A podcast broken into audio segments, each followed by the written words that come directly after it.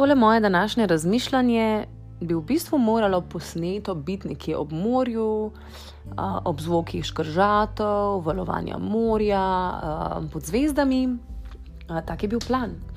Ampak, ker sem se že navadila, da ne smeš v življenju planirati stvari, v bistvu nisem nič razočarana, da tole zdaj snimam doma po dopustu, ob prvi jutranji kavi, lepo v miru. Um, Čeprav sem preživela tri tedne s svojo družino, z mojima otrokoma in partnerjem, miru prav veliko na dopustu ni bilo. Ampak mi ni žal, ker sem si zastavila, da bom čim več časa preživela z njima, oziroma z njimi, ker sem bila čez leto precej odsotna. In sem nekako um, si zastavila, da tako kot bo na morju, pač tako kot bomo vsak dan skupaj preživeli, tako pač bo. Prvič v življenju se mi zdi, da sem šla na dopust brez pričakovanj, brez tistega, kaj vse bi si jaz želela. Ker roko na srce, vsi planiramo svoj dopust, vsi si želimo za tisti letni dopust, tistih en teden, deset dni, štirinajst dni, končno imeti nekaj časa zase, zato da se odpočijemo, zato da se naspimo.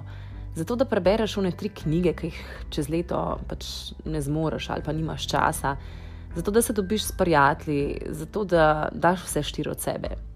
No, tisti, ki imate družine, veste, da vse to, kar sem zdaj naštela, nekako ne pride v poštev.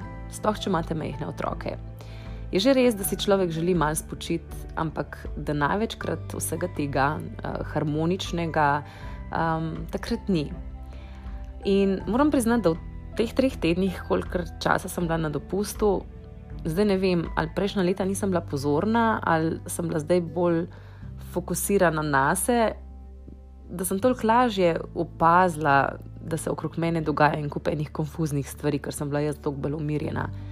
Ampak toliko enih prepirov v družinah, v partnerstvih, grdih besed, grdih pogledov, letos pa še ne. Um, vse v bistvu ni smešen, ampak jaz sem se ukvarjala z istimi rečmi, pa moram reči, da mi je letos prvič rad ali malo min tega. Um, dala mi je misliti ena mamica, ki je stanovala v sosednji prikolici in seveda se tako vse sliši. Zvečer se je usedla na, na teraso, odprla vino, mislim, da je spila tam že en tretji kozarc. Se je po telefonu pogovarjala, predvidevam, da svojo najboljšo parjalnico in je rekla: stara moja, drug let jaz tako ne grem na dopust več.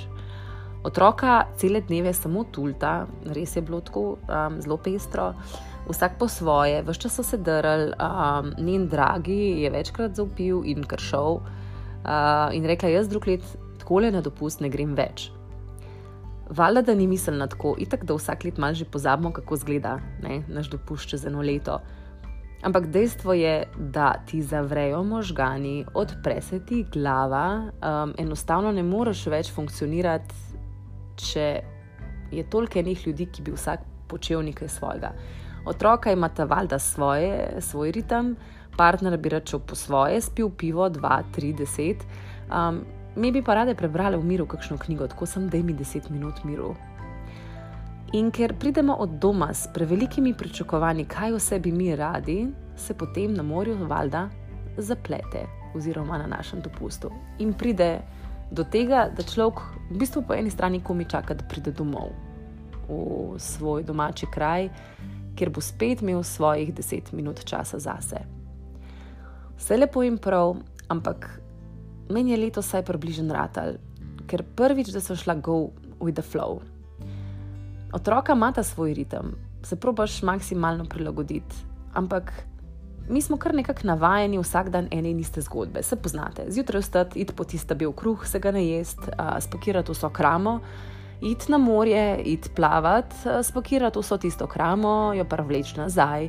Iti na uh, opoldanski počitek, skuhati kosilo, potem pa jovo na novo, spet popoldne z vso kramo na plažo, proti popoldnevu nazaj, uh, zvečer iti na eno šetnjo okrog uh, po obali, na sladoled pa spat. A nismo vsi to počeli, oziroma počnemo še danes.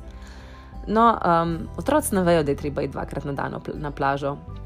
Še vedno lahko po svoje splanirate svoj dopust in otroci vam bodo sledili.